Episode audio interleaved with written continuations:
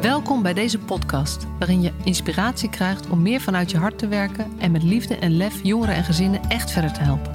Voel je waarde, voel de passie voor je vak, voel je professional vanuit je hart.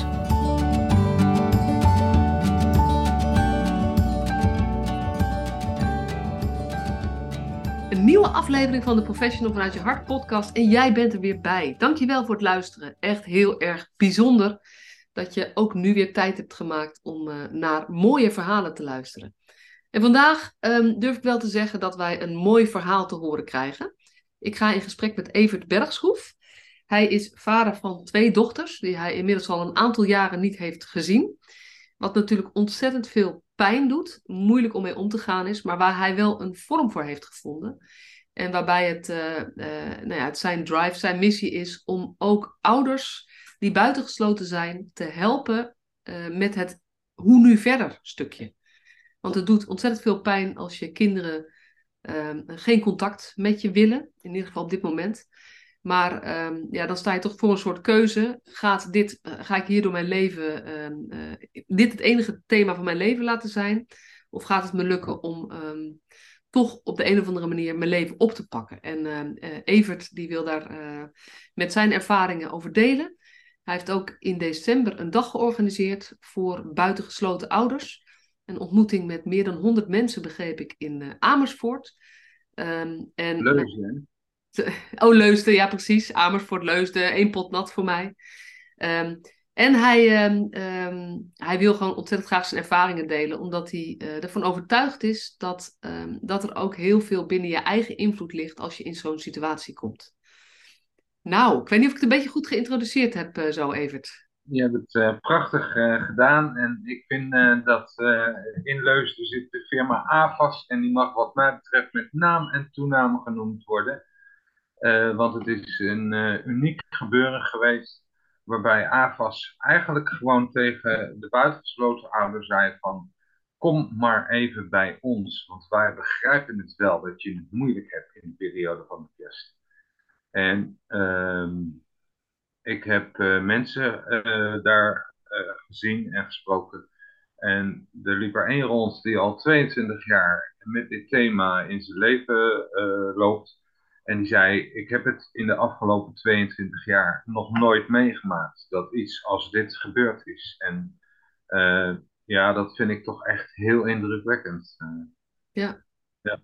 AFAS, het is van het, ook van het Circus Theater, het is zo'n hele grote club. En dat hebben een, ja. ik ben daar geweest, we hebben een prachtig uh, theater. Van, de sponsor van AZ Oh, en, uh, afgelopen jaar is AVAS uitgeroepen tot het beste bedrijf van Europa. En dat wordt je niet zomaar. Uh, oh. Dus ja. het verhaal van AVAS en hoe zij hun, hun bedrijf leiden, dat is op zichzelf een meer dan interessant thema om te bekijken. Ja, nou ja, voor, uh, voor degene die dat. In, ik, ik ga er nog wel eens naar kijken. Want ze, ze zijn ook betrokken bij de Big Improvement Day. Dus de, die BID Award, die positiviteitsprijs die ik ooit gekregen heb, bij die club is AFAS ook betrokken om dat te organiseren. Ja. Dus dat is wel bijzonder.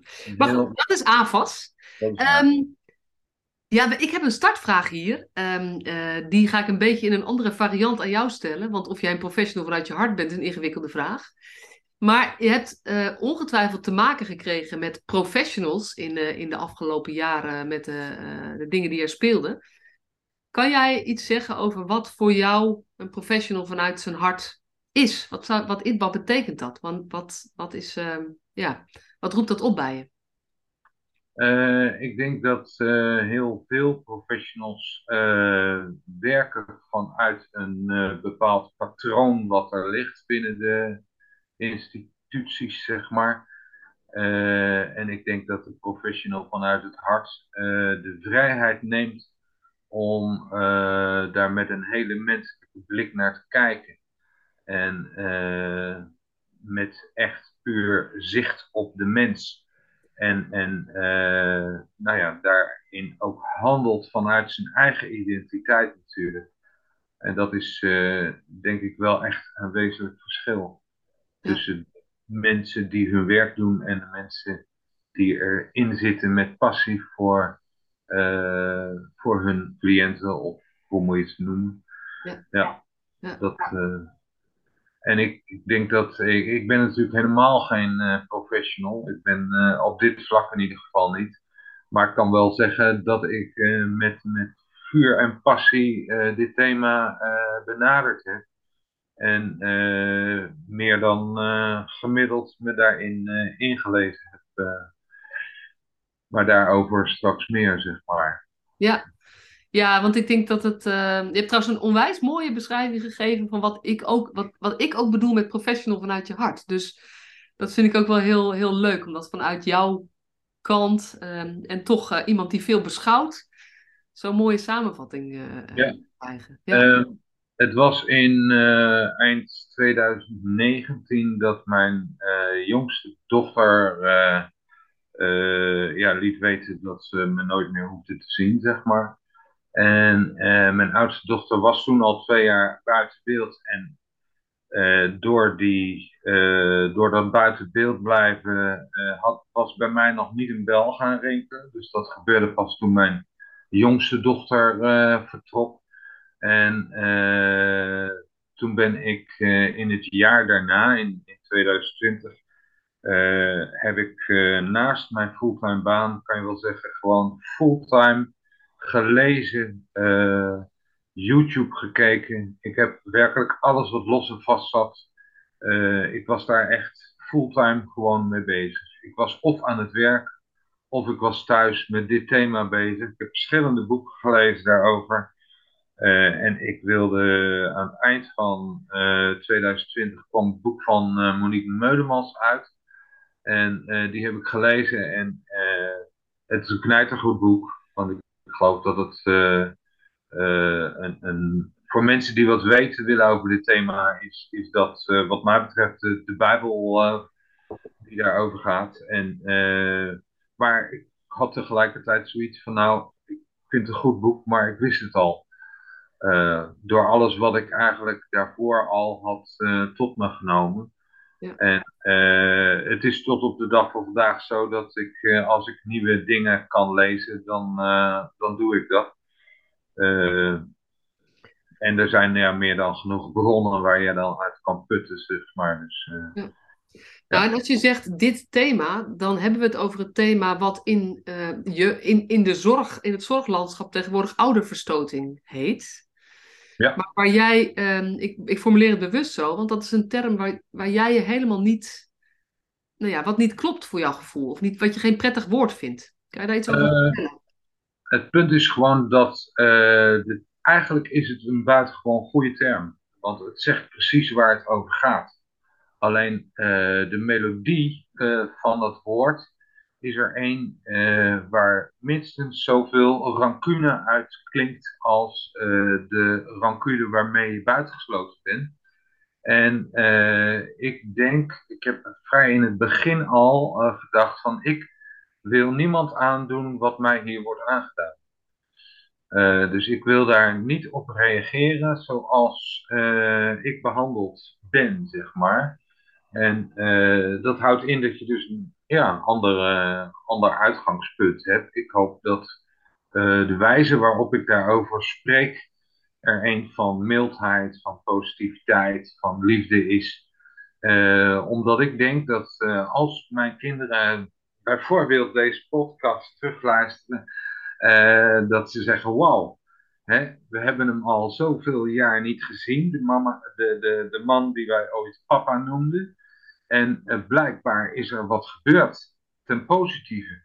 Ja. Eh, hè, dat zou ze nieuwsgierig kunnen maken. En de, eh, de kans, denk ik, dat buitengesloten ouders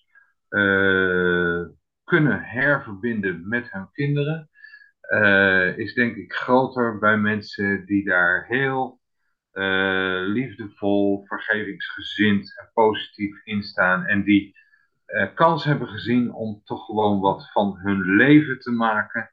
eh, ondanks de enorm zware last eh, die daar is. Ik, heb, ik ben nogal een beetje een beelddenker. En ik noemde het net in het voorgesprek al van het beeld wat ik erbij heb, is die van de balansweegschaal. En die balansweegschaal die ligt volledig uit balans op het moment dat je je realiseert dat dit is wat er bij je gebeurd is. Er ligt namelijk op dat ene schaaltje een last die uh, de, hele balansweegschaal bijna omver trekt. Zo gruwelijk zwaar is dat. En het vooruitzicht is ook niet echt hoopvol, want het is een fenomeen wat de rest van je leven bij je blijft. De, je kunt de rouw om een levend kind letterlijk niet afsluiten. Uh, ik heb een collega en die is meer dan een jaar geleden zijn dochter verloren, die omkwam bij een auto-ongeluk. dat heeft breed in de krant gestaan en ik werd daar echt ook door geraakt, omdat het zo dicht ligt bij wat mij gebeurd is. Want ook bij mij is er rouw om uh, mijn kinderen, zeg maar. Alleen bij die van hem, uh, ja, dat klinkt heel bot om te zeggen, maar bij hem is het definitief. Uh, hij heeft een proces door te maken waarin het, waarin het geaccepteerd en waarin die, maar waarin die ook daarmee om moet gaan. Waar, waarin die moet kijken van hoe doe ik dit nu verder in mijn leven. En uh, nou ja, datzelfde principe geldt eigenlijk voor mij. Wat me daarbij dan opvalt is dat voor hem is er meer dan een half jaar therapeutisch werken uitgevolgd, naast, dat hij even niet op zijn werk was. En ik, ja, ik ben er toch een zekere mate trots van dat uh, wat ik heb doorgemaakt in mijn ogen vergelijkbaar is, maar ik heb nooit een minuut mijn werk gemist, uh, ondanks die zware last. Ja. Dan denk ik, ja, schouderklopje. uh, het is minstens zo heftig. Uh, ja, ik, dat is natuurlijk het. Er is volgens mij een podcast die ook zo heet: een, Levend Verlies. Ja. Levend Verlies is. Um, ik vind, ik, ook hier, dit zeg je weer mooi, zeg maar. Het is eigenlijk dezelfde rouw zonder dat, er een, um, uh, zonder dat het een, een uh, definitief iets heeft of zo. Dus het, een van de dingen die zo pijn doet, is dat er ergens de mogelijkheid is, in theorie, dat je dat contact weer zou hebben. En als iemand overleden is, kan het niet. Dus dan. Uh, en levend verlies, dat, ja, om, om, het heeft ergens iets met hoop te maken, dat je stiekem die hoop nog hebt. Nou, dat soort thema's zitten er allemaal in. Dus volgens mij een podcast ook die zo heet zelfs. Ja, ja dat, uh, dat kan heel goed. Ja. Uh, ik vind het ook, uh, ja, blijft, naast dat het een, een buitengewoon heftig en pijnlijk onderwerp is, is het ook een bijzonder interessant thema. want de vraag is, hoe reageer je als ouder op dit, op dit fenomeen? En ik heb bij mezelf gerealiseerd dat er een aantal aspecten zijn waarvan ik denk, daar zou volgens mij elke uh, buitengesloten ouder uh, goed aan doen om, om op die manier ermee om te gaan. Namelijk in de eerste plaats. Mag ik heel even, even, hou ze even vast, want die weet je volgens mij. Zou je iets willen vertellen over hoe het tot dit punt gekomen is bij jou? Zonder in details, want jij wil, dat zei je ook, hè, jij wil zeg maar niet negatief praten over, over de anderen die hierin betrokken zijn, over je kinderen of over je ex. Maar om iets van de context te begrijpen, kan je er iets over vertellen hoe het tot dit punt is gekomen? Uh, nou ja, ik ben in, uh, in 2009 is officieel de scheiding uh, uitgesproken. Eh, in, in alle jaren daarna heb ik eigenlijk gewoon een normale tweewekelijkse omgang met mijn kinderen gehad. Uh, en dat is in mijn beleving een hele normale, gewone omgang uh, geweest.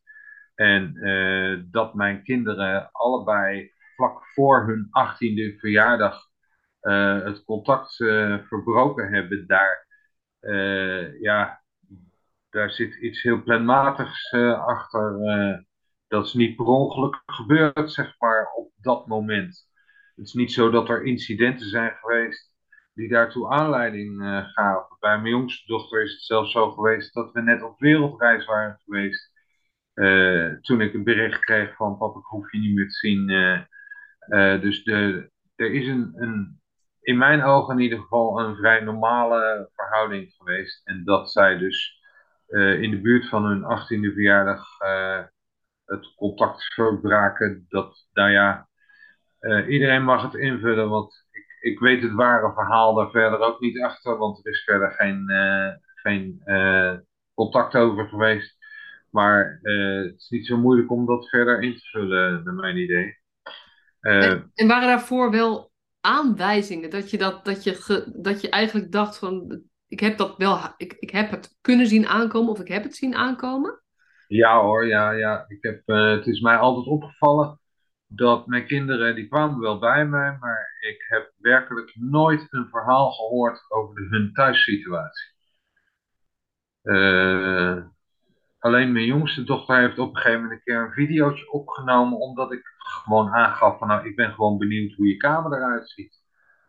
En uh, die heeft op een gegeven moment uh, dus een videootje opgenomen, zodat ik even kon rondkijken in haar kamer, zeg maar. Dat, ja. Nou ja, dat heb ik wel ook als heel speciaal ervaren. Ja. En was er contact in die jaren tussen jou en je ex? Of weinig? Nee, nee, nee, nee. nee. Helemaal niet zelfs? Nee, nee en uh, uh, dat ligt ook voor een deel bij mij, want uh, het is niet zo dat ik alleen maar, hè, ik ben ook onderdeel in dit systeem. En ja, als ik dat allemaal moet gaan verklaren, zeg maar, dan kom ik in de thema's terecht die ik waarvan ik het niet kies vind om dat uh, in, in een openbare podcast. Prima om daar nog eens met mensen over te praten, maar de, de dingen liggen zoals ze liggen. En ja, het is wat mij betreft meer aan mij de uitdaging van hoe ga ik daar nu, nu verder mee om, zeg maar. En wat, wat ik wel interessant vind, was er ook hulpverlening betrokken in die jaren bij jullie um, gezin? Uh, mijn oudste die heeft uh, uh, een reactieve hechtingsstoornis. Tenminste, dat is altijd vastgesteld. En ik moet zeggen, ik ben zelf jarenlang depressief geweest. vlak voor de scheiding, zeg maar. Ik heb het laatste deel van het huwelijk heb ik een jaar lang in, in groepstherapie gezeten. mijn dochter die heeft vanaf dat ze vier jaar oud was, heeft ze in therapie gezeten echt langdurig. En ik kan met uit de grond van mijn hart zeggen, ik heb van welke therapie dan ook nooit een blijvend effect gezien. Dus mijn enthousiasme voor therapie, die is niet bijster groot, zeg maar. En als je mij zou voorstellen van, joh, ga nog eens in therapie voor dit of voor dat, dan zeg ik nou, ik los het zelf wel op. ja. En dat is ook een beetje wie ik ben, want ik ben uh, wat dat gaat echt iemand die het uh, liever zelf uitzoekt. Ja. dus dat. En in die tijd dat, dat jullie uit elkaar waren, en nou ja, weet je, waar jij ook, wat ik heel mooi vind, dat je voor kiest om daar niet te veel over te delen. Maar zijn daar professionals bij betrokken geweest om te kijken van kunnen jullie beter samenwerken toch nog of zo? Of, of hebben jullie dat ook zonder uh, bemoeienis? Ja, ik kan je zeggen, ik kan me nog heel goed herinneren hoe verschrikkelijk boos ik geweest ben op, uh, op wat jeugdzorg dan allemaal daarin gedaan heeft. Want die kwamen hier dus wel kopjes thee drinken, zeg maar. en ik heb echt uit de grond van mijn hart met die mensen zitten praten.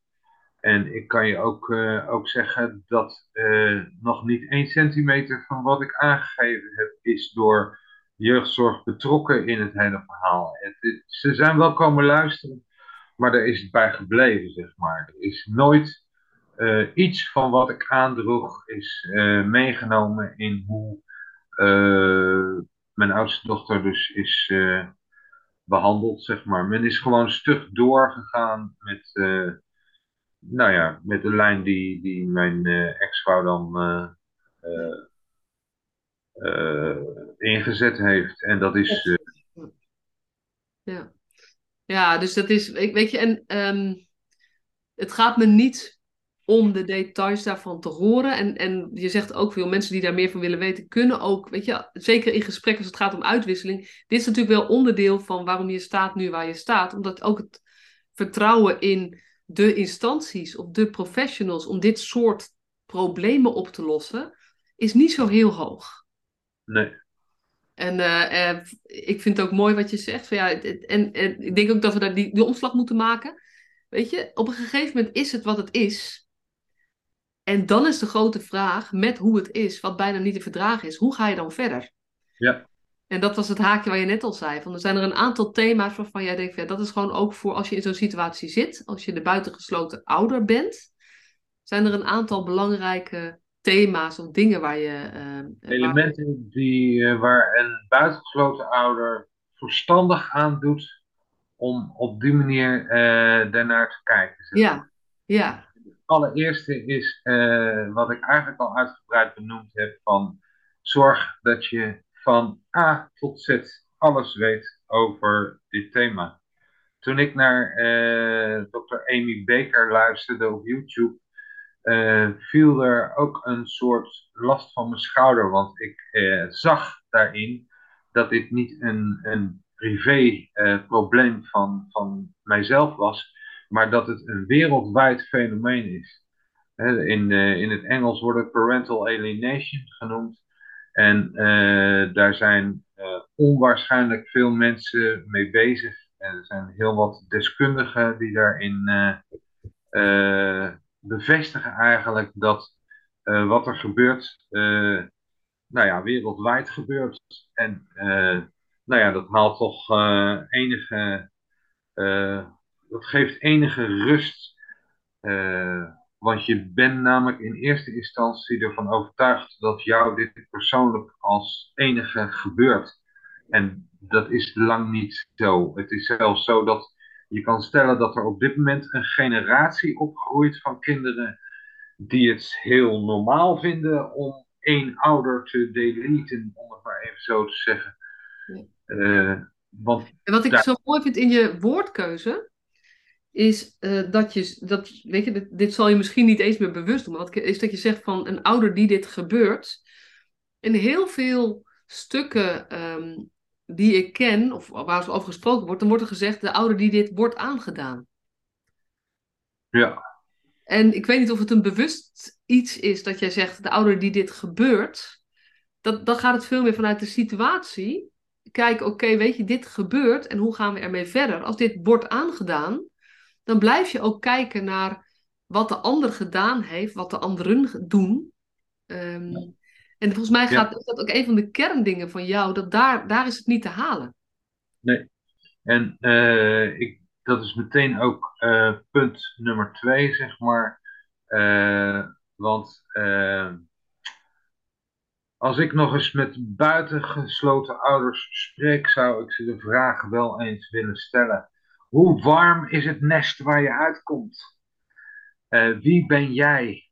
als uh, Jurgen Rijman, die uh, deed op een gegeven moment interviews als Tante S, hè, ja. televisie. En dan was het niet de vraag, hoe gaat het met jou? Nee, de vraag vanuit Suriname is, wie zijn je vader en je moeder? Want dat zegt wat over wie jij bent. En de vraag is dus van, als jij als buitengesloten ouder in je uh, familiesysteem rondkijkt uh, naar wat er zo allemaal gebeurt, uh, kun je dan iets herkennen van dat wat jouzelf overkomt. En ik kan je zeggen, ik ben me een hoedje geschrokken toen ik het deed, zeg maar. En ook dat zijn situaties die ik eigenlijk niet wil benoemen, want ik wil daarin ook mijn familie niet belasten. Uh, maar er is één situatie die wel te benoemen is. Dat is een, een oom, de broer van mijn vader. die, um, hij is inmiddels overleden. En die had een zoon, die was twee jaar oud. En zijn vrouw vertrok naar Amerika. En het heeft nog 35 jaar geduurd voordat die zoon in Nederland contact heeft gezocht met, zijn, met zijn familie. En dus niet meer met zijn vader, want die was al overleden. En ik heb gelukkig contact met deze neef, zeg maar. Ik kan hem bereiken als ik, als ik hem nodig heb. En hij weet ook dat ik met dit thema heel erg in de weer ben. En nou ja, dat is, ik vind het onwaarschijnlijk mooi dat we contact hebben, zeg maar. Want ik, ik ben hem nooit vergeten. En nou ja, nu we, en we hebben maar zo nu en dan contact hoor. maar dat is, dat is fantastisch. ja, en, maar goed, de, het effect is wel, mijn oom heeft zijn zoon letterlijk nooit meer teruggezien. En hij heeft uh, toen hij 12 was of zo nog een hele lelijke brief geschreven, die mijn oom dan wel gekregen heeft. En dat, uh, ja, ik vind dat een zeer uh, indringend verhaal. En zijn verhaal is niet het enige wat je binnen mijn familie kan herkennen, zeg maar. En de vraag die daar dus achter zit is, wie ben jij zelf? Wie ben ik? Is dat wat ik normaal vind? Is dat, is dat wat men ook normaal vindt? Ja. Uh, want ik ben uh, groter geworden uh, door hoe ik ben opgevoed, zeg maar. En daarmee wil ik de schuld niet bij een ander leggen. Maar ik wil vooral kijken naar van wie, wie ben ik zelf? Wat, wat, wat vind ik normaal? Ehm, zeg altijd, mijn, uh, mijn moeder die ging, uh, die had vier kinderen en we woonden in Voorburg. En mijn moeder ging op de fiets naar de andere kant van Voorburg, omdat het brood bij die supermarkt een dubbeltje goedkoper was. En aangezien uh, zij zeven broden nodig had elke keer als ze naar de supermarkt ging, want we aten nogal wat met z'n allen. En dat, is, dat, dat zijn van die hele kleine, hele normale kernwaarden die ook in mij uh, terugkomen. Hoe ik geld uitgeef, uh, heeft zijn basis in hoe dat, uh, hoe dat thuis ging. Ik zeg altijd, de manier waarop ik mijn fiets parkeer, zegt alles over hoe ik ben opgegroeid. We hadden namelijk een dubbel bovenhuis en in het portiekje achter de voordeur als de deur s'avonds dicht ging, stonden drie fietsen in elkaar gevouwen.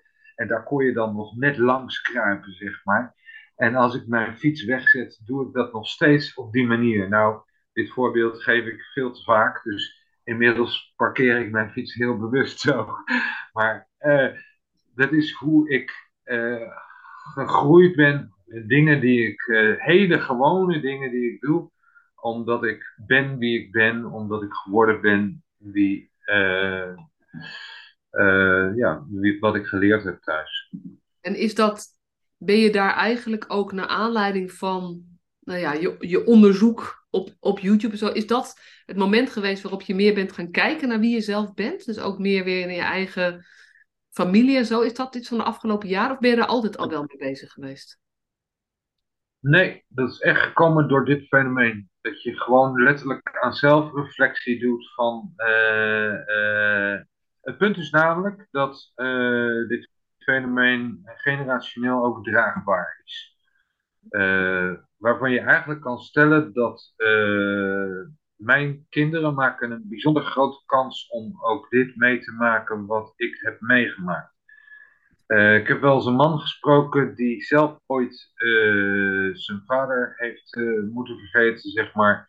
En die uiteindelijk zelf kinderen gekregen heeft, die, waar hij ook geen contact meer mee heeft. En ik kan je er denk ik wel tien opnoemen. Mensen waarbij dit niet alleen in de huidige generatie, maar ook in de vorige generatie heeft gespeeld. En het punt is dat op het moment dat je weet dat dat zo is, dan kun je dus ook bij jezelf afvragen van wie ben ik? Waar eh, is er, eh, mijn ouders zijn nooit gescheiden, eh, maar dat wil niet zeggen dat er geen hele duidelijke signalen zijn geweest, eh, eh, nou ja, van het, het, fenomeen, laat ik het maar zo zeggen. En nou, dat doet je denken aan je eigen achtergrond. Ja, ik vind het wel ik, dit thema, uh, überhaupt het doorgaan van patronen in generaties, dat is volgens mij ook een van de redenen waarom het heel veel interventies zo weinig effect hebben. Omdat ze heel erg, uh, heel veel interventies zich richten op wat er in het hier en nu speelt. Terwijl die patronen liggen veel dieper dan het hier en nu. Ja. ja. Uh, ook als ik naar mijn eigen leven kijk, zeg maar, je gezien voelen, dat is bij mij een thema. Nou ja, dat komt ook uit mijn hele eh, geschiedenis. Ik heb een onderzoek gedaan naar mijn vrouwenlijn, zeg maar. Dus het gewoon de generaties teruggedacht. En voor zover ik dat verhaal ken, heeft mijn moeder zich niet gezien gevoeld. Ik heb me niet gezien gevoeld door mijn moeder. Mijn moeder niet door haar moeder. Mijn oma niet door haar moeder. En van mijn overgrootmoeder uh, is haar, zijn haar ouders overleden voordat ze vijf was. Dus die, die kracht van doorgevende patronen, dat ik geloof heel sterk dat als het gaat over een wezenlijk doorbreken, dat, je, dat we daar veel meer oog voor moeten hebben. Uh, ik zeg altijd, uh, ik was dat jongetje wat op zijn zolderkamer zijn schroevendraaier tussen de plus en de minpool stopte. En toch is het pas na mijn veertigste duidelijk geworden dat techniek mijn ding was. Uh, als je het hebt over niet gezien voelen, zeg maar. En, en daar wil ik dan acuut ook de vraag bij stellen: heb ik mijn kinderen voldoende gezien en bevestigd? Dat vind ik een hele relevante vraag. En ik denk dat, dat je kan zeggen dat ik daar wellicht tekort in geschoten ben. Niet omdat ik uh, daar geen oog voor gehad heb, maar uh, ik had het wellicht meer moeten doen, zeg maar.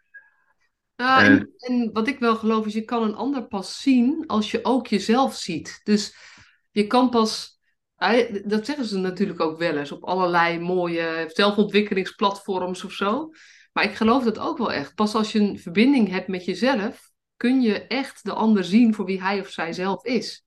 En wat jij vertelt, dat je pas uh, afgelopen drie jaar, vijf jaar dit thema voor je bij denk je steeds meer in staat bent geraakt om ook je kinderen uh, en andere mensen uh, te kunnen zien of zo. Ja, ja. Uh, een van de dingen die ik daarin is opgevallen is uh, een interview van een man. En die werd geïnterviewd door een, een jongen met een beperking. En dat ging maar om 20 minuten interview. Maar in het interview heeft de man 41 keer de naam van de interviewer genoemd. En toen heb ik eronder gezet, deze man zal zich gezien hebben gevoelen en gevoeld. En ik denk dat ik daarin nog wat te leren heb. Ik zou de naam van mensen waarmee ik praat wat vaker moeten benoemen in hoe ik spreek. En dat doe ik bijna niet, maar uh, de naam noemen van iemand waar je mee spreekt, zorgt ervoor dat iemand zich gezien voelt. En dat, nou, dat vind ik wel een dingetje. Ja, ja met, met voor mij de kanttekening dat dit een trucje kan zijn en het alleen maar werkt als dit, dat je dit niet als trucje of als vaardigheid toepast, maar dat het, dat het verbonden is met echt oprecht geïnteresseerd zijn in die ander. Ja, dat heeft te maken met uh, herinnering, uh, in herinnering halen wat in het vorige gesprek ter sprake is gekomen. Veel meer dan alleen maar de naam noemen, maar zorgen dat iemand zich echt gezien voelt. Uh, maar trucje kan ook een hulpmiddel zijn uh, om wat meer daarin te doen. En ik vind het nog steeds moeilijk. Het, het, het lukt mij ook nog steeds niet. En zou een beetje flauw zijn om er nu mee te beginnen. nou ja, je mag het proberen. Weet je, dit is ook een beetje een oefensetting. Maar ik moet zeggen dat ik een beetje allergie heb voor iemand die heel vaak zegt: Ja, weet je, Masha, of zo. Of weet je, ik, ik, bij mij geeft het niet per se het gevoel van gezien worden. Dus dit is ook weer zo persoonlijk.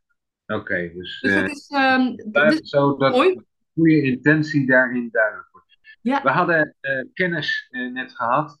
Um, wat uh, zelfreflectie is een element.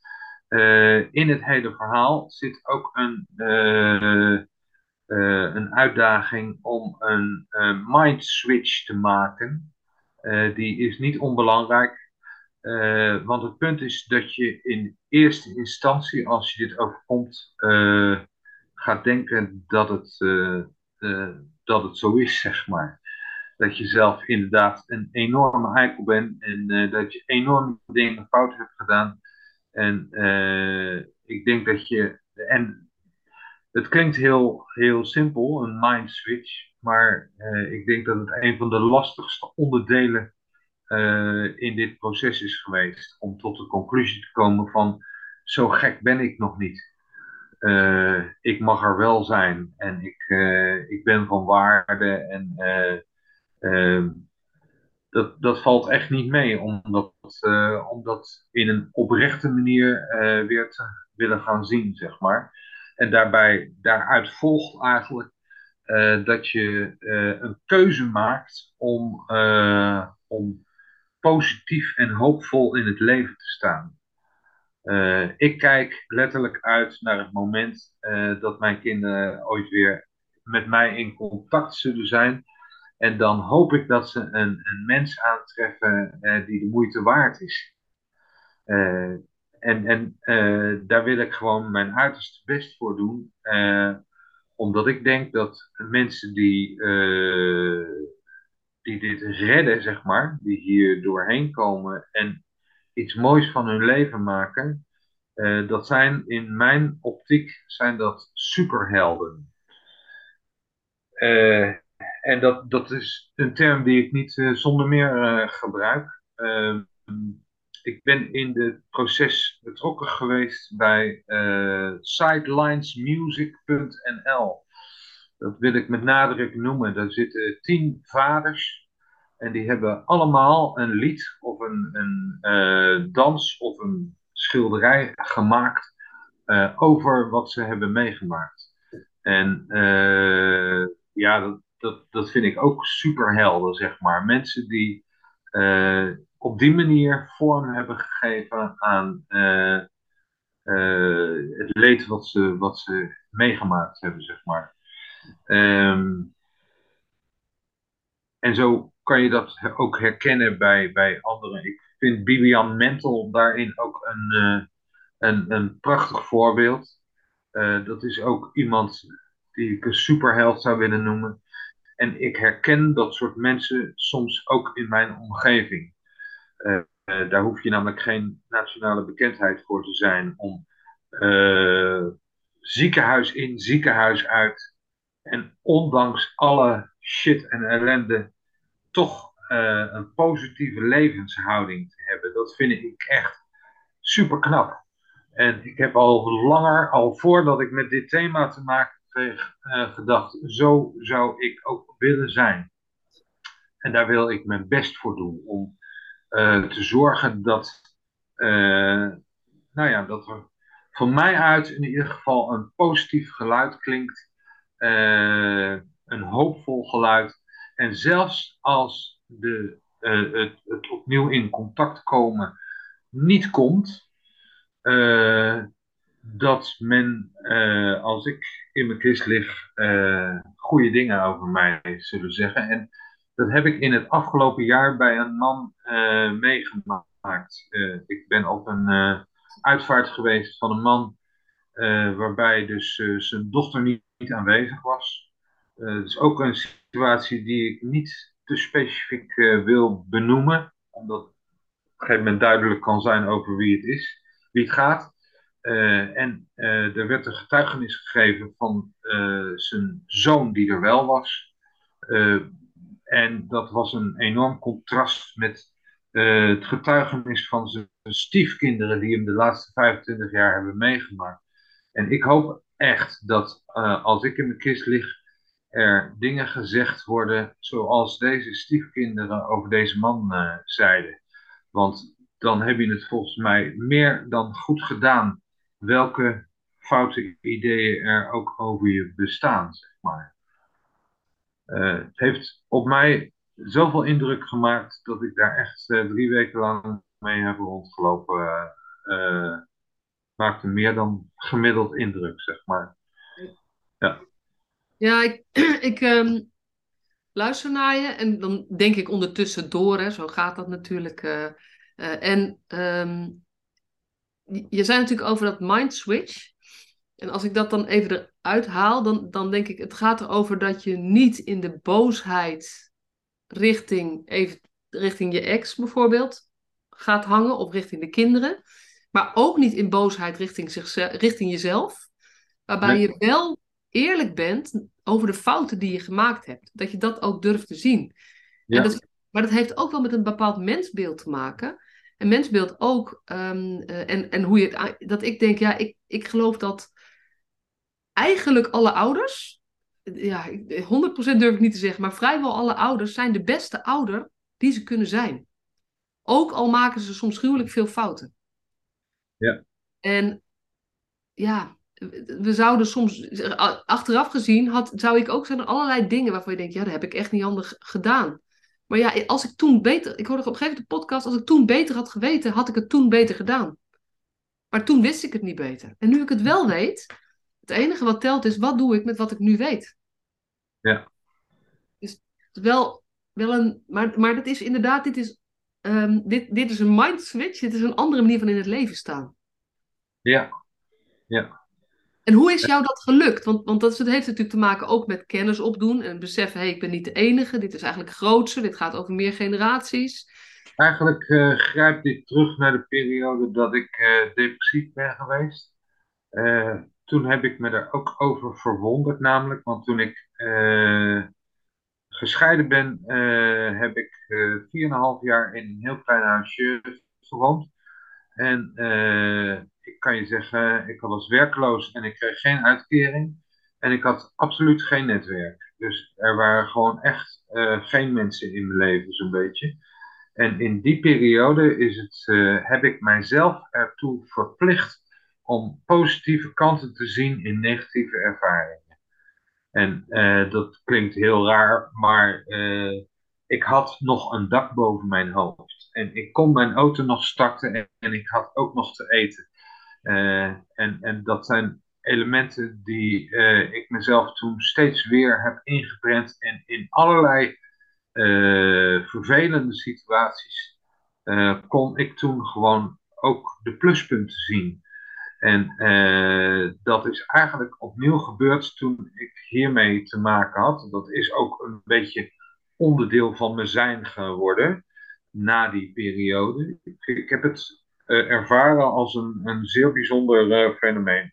Dat ik, die, uh, die jarenlang in staat was om in lichtroze nog zwart te zien, want zo zeg ik, zo zeg ik dat altijd, dat, ik, ja, dat ik steeds meer in staat bleek om uit negatieve in negatieve ervaringen daar toch ook de positieve elementen in te zien.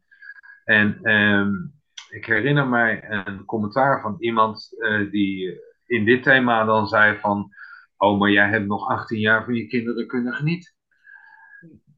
En dat vind ik zo'n mooie gedachte van, want er zijn er inderdaad bij die daar helemaal nooit van hebben kunnen genieten. Uh, hè, maar ik heb inderdaad nog 18 jaar van mijn kinderen kunnen genieten. En ik heb de foto's nog, ik heb uh, de dingen die ze achtergelaten hebben hier nog. Dus uh, er zitten in elke negatieve ervaring zitten ook positieve elementen. En dat, uh, uh, dat heeft geholpen bij het maken van die mind switch. ja. ja, waarbij het belangrijk is om het te combineren met erkennen dat het gruwelijk veel pijn doet. Ja, ja, ja, ja. Dus als je alleen maar de kracht van het positief denken gaat gebruiken, dan doe je jezelf tekort en dan werkt het ook niet. Bibian Mental had een hele korte samenvatting daarvoor. En die zei van, uh, er moet oog zijn voor het leed. Maar er moet vooral ook gekeken worden naar dat wat nog wel mogelijk is. Ja. En uh, dat vind ik een ontzettend mooie definitie. En daar hou ik me aan vast. Ik heb een week voordat zij overleed onder een post van haar gezegd. Te pas en te onpas wil ik je naam noemen. Omdat je mijn voorbeeld bent wat dat daar gaat. Ja. Ik hou het er bijna niet droog bij. Nee. Nou, en om dan de kwinkslag weer te uh, krijgen. Die BIT Award, die, die Positiviteits-award, die heb ik toen gekregen. En die heeft zij in hetzelfde jaar, op hetzelfde moment gekregen. Alleen zij was, uit, was overleden, dus haar man heeft hem in ontvangst genomen. Ja, ja. Ik heb het boek gekocht, 128. Uh, ja. Het was geen goedkoop boek, maar ik uh, ben blij dat ik hem heb. ja, ja, ja, ja. Um, mag ik heel even een kleine switch maken? Ja. Uh, het punt is namelijk dat ik uh, in de afgelopen begin december ging bij mij een soort lampje branden. ik dacht, ja, op het moment dat het kerst wordt, dan zitten al die buitengesloten ouders in een bijzonder lastige periode. iedereen viert het grote familiefeest. hoe mooi zou het zijn als er een bijeenkomst was van mensen die snappen hoe lastig kerstperiode is voor de buitengesloten ouder. En toen ik dat min of meer voor elkaar had, dacht ik, ja, ik heb eigenlijk een, een sponsor nodig. Want ik wil eigenlijk zorgen dat ik deze mensen ook een beetje kan verwennen. En eh, toen heb ik dus mijn vraag gesteld aan de directeur van AVAS, waarmee ik al eerder contact had gehad. Ik heb als medewerker van de ondernemingsraad twee ondernemingsraden meegenomen naar AVAS om daar een keer te leren van hoe zij een bedrijf leiden. En ik heb die directeur uitgelegd wat mij na die periode is overkomen. En ja, zijn reactie, dat is nog steeds heftig, zeg maar. Want hij schreef mij direct terug. Natuurlijk ga ik jou sponsoren. Ja. Toen had ik zoiets van, wow. en hij zei niet zomaar iets. Hij zei, want ik had het over een bijeenkomst van 100 mensen. En hij zegt, nou, uh, die mensen mag je alvast een vrijkaart geven om naar uh, Johan Cruijff 14, het verhaal, te komen kijken. Uh, en daarna moet je je plan maar eens even aan me uitleggen. Nou, dat heb ik gedaan. Ik, heb, ik ben goed in schrijven, maar ik heb daar echt even gas gegeven. En uh, hij, in zijn reactie daarop zei hij van nou Evert, ik weet het goed gemaakt. We doen het niet op de 17e, maar we doen het op de 21ste. Uh, je mag al die mensen uitnodigen bij AFAS. En als ze naar het, de the theatervoorstellingen, de musical zijn geweest, dan staat het buffet voor deze mensen klaar. En zijn laatste zin in die e-mail zal ik niet licht vergeten, want we hebben het over 100 mensen gehad. En hij zei tegen mij: Even, als het er 150 zijn, mag dat ook. Ja. Nou, dat is nogal wat. Want deze meneer gaf in wezen dus gewoon uh, elke buitengesloten ouder uh, een cadeau van ruim 100 euro. En nou, de bijeenkomst heeft ook bij eigenlijk niet alleen de aanwezigen, maar ook bij de mensen die niet konden komen, die er wel bij hadden willen zijn, zeg maar, heeft het buitensporig veel indruk gemaakt. En je kan wel stellen dat uh, speerpunt daarin lag op de fysieke ontmoeting met elkaar. Want het, natuurlijk is de musical mooi en het eten is bij AFAS echt fantastisch lekker. Uh, maar het meeste indruk heeft de ontmoeting met elkaar eigenlijk betekend. Naast dat ik ook nog een zangeres had uitgenodigd die mijn teksten omgezet heeft in een lied. Hè? Dat is uh, Rosemary met Als jouw hart naar huis was. Want dan zeg ik, dan ontbreekt er nu een fundament. Ja. Ja. En die heeft gezongen en dat heeft, nou ja, het heeft sowieso ongelooflijk veel gedaan. En ik moet meteen denken aan de man die twee jaar geleden in de krant stond, in de Gelderlander. Uh, die heeft namelijk bedacht dat hij gespreksgroepen zou willen hebben, fysieke ontmoetingen. En hij had het idee van dat moet gaan om mannen. dat idee heb ik niet. Ik wil graag dat het over mannen en vrouwen gaat. en hij noemde dat het Superheldencafé.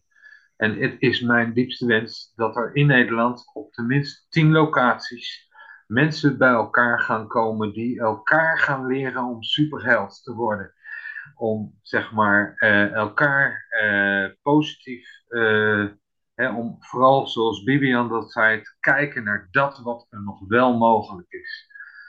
om elkaar te steunen in het leed. als je met elkaar aan de praat gaat, geeft dat een soort herkenning die je met geen ander mens kan hebben dan de mensen die dit ook meemaken. En uh, nou ja, ik hoop dat er, uh, dat er mensen zijn die dit idee uh, ondersteunen. En ik ben ook al bezig op verschillende plaatsen. Is een zaadje geplant, om het maar zo te zeggen. En binnenkort hoop ik dat het Superheldencafé op verschillende plaatsen in Nederland echte vorm gaat krijgen. Zodat de waardevolle ontmoeting die jullie hadden op 21 december niet eenmalig is, maar dat er juist gewoon plekken zijn waar je dit faciliteert, waar mensen elkaar kunnen ontmoeten. Uh, omdat dat zo ontzettend helpend is. Omdat ja. in je eentje eigenlijk niet te dragen is. En, uh, en, dan gaat het mij in wezen om de mensen die, die het uh, er buitengewoon moeilijk mee hebben. Ik heb ze in werkelijkheid gewoon ontmoet. En niet één, maar verschillende. Mensen die lichamelijk kapot gaan. Mensen die maatschappelijk er helemaal doorheen zitten. Uh, mensen die ook gewoon letterlijk vroegtijdig overlijden, want dat, dat is gewoon een consequentie. Uh, en ik denk dus ook dat het van levensbelang is uh, dat mensen op een positieve manier in het leven komen te staan. ik denk dat je zonder twijfel kunt zeggen dat het jaren toevoegt aan het leven op momenten dat het mensen lukt. En daarbij is het nodig dat er bij het Superheldencafé mensen zijn die dat steeds meer lukt. In combinatie met de mensen die daarin nog wat uh, op te steken hebben. Op het moment, en dat hebben we bij AFAS gezien. Want, uh, mensen zijn daarin niet specifiek uniek. Uh, maar ik denk dat de draagkrachtige en de minder draagkrachtige uh, daarin elkaar kunnen helpen. En ik hoop dus ook dat het niet alleen maar de behoeftigen zijn die daar komen, maar ook de mensen bij wie het al steeds meer lukt om iets moois van hun leven te maken, ondanks de last die ze meemaken. En dat is, nou ja, dat is mijn hartwens. En ik heb voor mezelf besloten, ik stap in de auto. Of het nou in Zeeland of in Groningen is, ik stap in de auto en ik hoop wel dat het er meer dan zes zijn, zeg maar. Want om voor twee mensen naar Zeeland te rijden vind ik zo wat. Dan kunnen we beter een videosessie doen. Maar eh, ik wil daar eigenlijk graag uh, aan bijdragen dat dit verhaal, uh, nou ja, ruimte krijgt. Dat dit eh, dus ik denk als er mensen zijn die luisteren, die hiervan denken van wow, dit is eigenlijk resoneert best wel, dan is eigenlijk jouw oproep, neem vooral contact met je op. Ja, absoluut. Om te kijken, want, want um, weet je, dit heeft, dit, dit, je hebt iemand nodig die hierover vertelt en die, die helemaal voor gaat, maar je hebt ook mensen nodig op plekken die de daadwerkelijke organisatie, die daar iets in kunnen betekenen. En dat hoeft helemaal niet heel moeilijk te zijn. Uh, ik heb een, een, een uh, ik ik stel me voor dat, dat het niet in de huiskamer plaatsvindt, maar op een, gewoon een neutrale plek. Uh, en dan is het eigenlijk nodig dat we een zaal hebben met koffie. Om het maar even door, kort door de bocht te zeggen. Uh, en dan is het de bedoeling dat daar natuurlijk dan ook aandacht voor. En ik merk ook, want ook voor 21 december heb ik gemerkt dat het bijzonder moeilijk is om deze categorie mensen bij elkaar krijgen.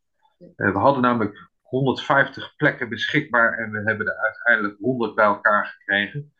En daar kunnen we echt trots op zijn, want dat is uniek in uh, dit thema. Er zijn nog nooit eerder 100 mensen bij elkaar geweest uh, vanwege de buitensluiting dus dat is, het is een hele prestatie geweest aan de ene kant. Aan de andere kant tekent het ook de groep dat we er geen 150, want er moeten namelijk meer dan genoeg ouders zijn die met dit probleem te dealen hebben. Ja, dus ik denk dat dat zeg maar. En um, ik zit, we zitten bijna door de tijd. Waar ik nog even aan zit te denken is, ik denk dat er ook heel wat hulpverleners luisteren, professionals, naar deze podcast. Dus mensen die, die, nou ja, die met ouders werken, um, uh, die met gezinnen werken heb je voor hen een, nou ja, een gedachte of een tip of een handreiking uh, of iets, wat dan ook, zeg maar, uh, je denkt, ja, maar dit, is, dit, is, dit zouden ze kunnen doen, dit kunnen ze betekenen. Op deze manier kunnen ze van betekenis zijn als dit soort dingen spelen in gezinnen. Uh, Nou, ik denk dat uh,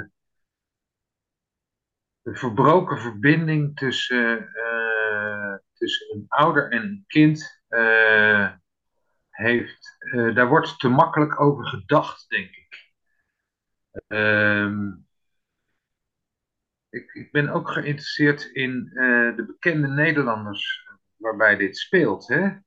En ik vind het ook niet kies om die namen te noemen, maar uh, je, kan ze, je kan ze wel bedenken. De, en uh, er zijn mensen die een enorme carrière bouwen met de talenten van de ouder die ze niet meer willen zien. Uh, ja, de, de loyaliteit. Ik ga die namen niet noemen, maar er zijn grote namen in Nederland die uh, op een heel enorm podium staan en die daar een talent uh, laten zien wat uh, niet afkomstig is van de ouder waar ze goed mee verbonden zijn, maar met de ouder waarmee ze, waarvan ze afscheid hebben genomen, die ze nooit meer willen zien. En als je dat weet als hulpverlener, dan denk ik dat je nou ja, je bewust moet zijn. Uh, en daar zit nog een ander aspect bij. Op het moment dat je buitengesloten bent als ouder, zit er nooit meer een herbeoordelingsmoment in. Op het moment dat jij al tien jaar niet meer met je ouder in contact bent geweest, dan, dan kun je stellen, ja, maar het was een eikel en dat zal die nog steeds wel zo zijn. En dat dat soort dingen, dat gebeurt natuurlijk. Die, die zullen er ook echt zijn. Maar stel nou dat die ouder een veel mooier mens geworden is in die tien jaar. Dan heb je waarschijnlijk toch echt iets gemist. En dat is uh, wat ik ook regelmatig zeg van... Als ik over, als over tien jaar mijn kinderen nog een keer mijn naam googelen... Dan, dan wil ik dat ze graag de indruk krijgen van... Oeps, volgens mij hebben we echt wat gemist aan het feit dat we deze man geen papa meer noemen. Ja. En dat, uh, nou ja. En dat is wel iets waar, waar, waar binnen de hulpverlening, dat is een beetje hetzelfde thema, het wordt heel erg van het hier en nu uitgegaan. Ja. Wel, nou ja, het in het verleden van allerlei andere dingen geweest zijn en ook in de toekomst wellicht weer uh, anders ja, is. En Hou die lijn ook. Heel belangrijk ander punt bij. Uh, de GGZ wordt denk ik in Nederland bijzonder zwaar belast door mensen die in volwassen leeftijd last krijgen van depressies, bipolaire stoornissen, uh, dat soort zaken. En die worden wel behandeld, uh, hè, dus de, de, de, de zaak wordt wel behandeld, maar nooit gerelateerd aan de verbroken verbinding met één ouder. Uh, terwijl het er soms duimen dik bovenop ligt dat dit, uh, dat dit een thema is. Het is dit, dit raakt aan jouw tweede, dit raakt aan jouw punt twee wat je zei. Wie ben jij? En welke patronen? Dat is eigenlijk hetzelfde. Uh, laten we niet kijken naar de problematiek nu alleen, maar ook waar, waar komt dit vandaan? Waar kom jij vandaan? Dus de mens meer als mens zien uh, is een iets andere uh, insteek die voor veel meer um, ruimte en duidelijkheid en mogelijkheden uh, zorgt. Ja. ja. Volgens mij heb je nog veel meer te vertellen. Och, ik heb ja, zo dat... veel nog. Ja, dat, en dat, dat weet ik, maar we, we zijn al een uur aan het praten, dus we gaan hem echt afronden hier. Ik geef nog wel de kans om één laatste korte toevoeging te doen. Als je dat nog. En volgens mij wil je dat graag. Ik heb uh, het boek van Frank van der Linden gelezen en ik heb hem uh, kort geleden uh, met een persoonlijke aantekening opgestuurd gekregen. En op bladzijde 194 schrijft Frank: Achterom kijkend zie ik een gekwetste jonge zoon die een muur optrok een wal waarmee hij zijn ontrouwe moeder wilde isoleren. Maar wie plaats je dan in de praktijk buitenspel? Wie straf je? Wie snijd je af van de belangrijkste liefdesbron in je leven? Wie schaadt je? Vooral jezelf. En de muur die het moeilijkst valt af te breken, is de muur die je eigenhandig hebt gebouwd. Kom daar maar eens overheen. Dat heeft mij erg geraakt toen ik las. En misschien even goed om de titel van het boek te noemen? Het is de En altijd maar verlangen van Frank van der Linden. Ja, die vanuit zijn eigen ervaringen, zijn eigen ervaring heeft opgeschreven. Hij is kind van een, uh, van een uh, stel ouders wat uit elkaar is gegaan en hij heeft jarenlang zijn moeder niet gezien. En uh, nou ja, uiteindelijk is dat goed gekomen. Hij heeft er ook heel veel over gepubliceerd en documentaire over gemaakt, et cetera. Dankjewel Evert voor het delen van je verhaal, je wijsheid um, en nou ja, ook gewoon je drive om um, mensen in deze ontzettend moeilijke situatie te helpen om ermee om te gaan en uh, in het leven te blijven staan.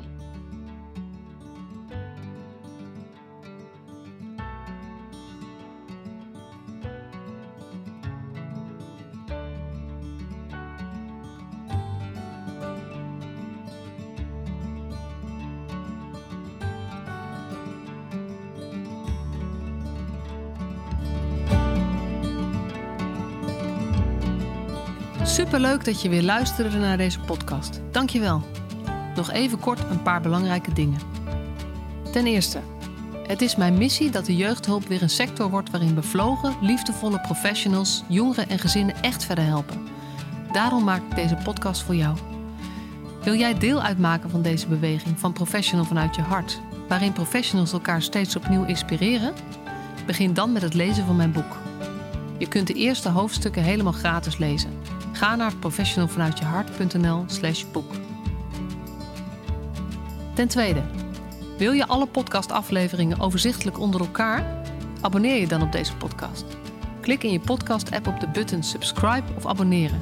En elke keer als er een nieuwe podcastaflevering gepubliceerd wordt, ontvang je automatisch een berichtje. Ten derde, ondersteun je mijn missie? Geef me dan een review via je podcast-app, bijvoorbeeld iTunes of Spotify. Op die manier kan ik nog meer professionals bereiken. En ken je een collega voor wie deze podcast ook interessant is? Dan zou het super zijn als je hem of haar de podcastaflevering doorstuurt. Bijvoorbeeld door de link te kopiëren via Spotify. Ik vind het altijd heel leuk om berichtjes te ontvangen van luisteraars om te horen wat je van een podcast vindt, of als je misschien vragen of suggesties hebt. Of als een aflevering je een bepaald inzicht heeft gegeven of er iets in beweging is gekomen. Stuur me dan even een berichtje op masha.professionalvanuitjehart.nl via de website of stuur me een connectieverzoek op LinkedIn.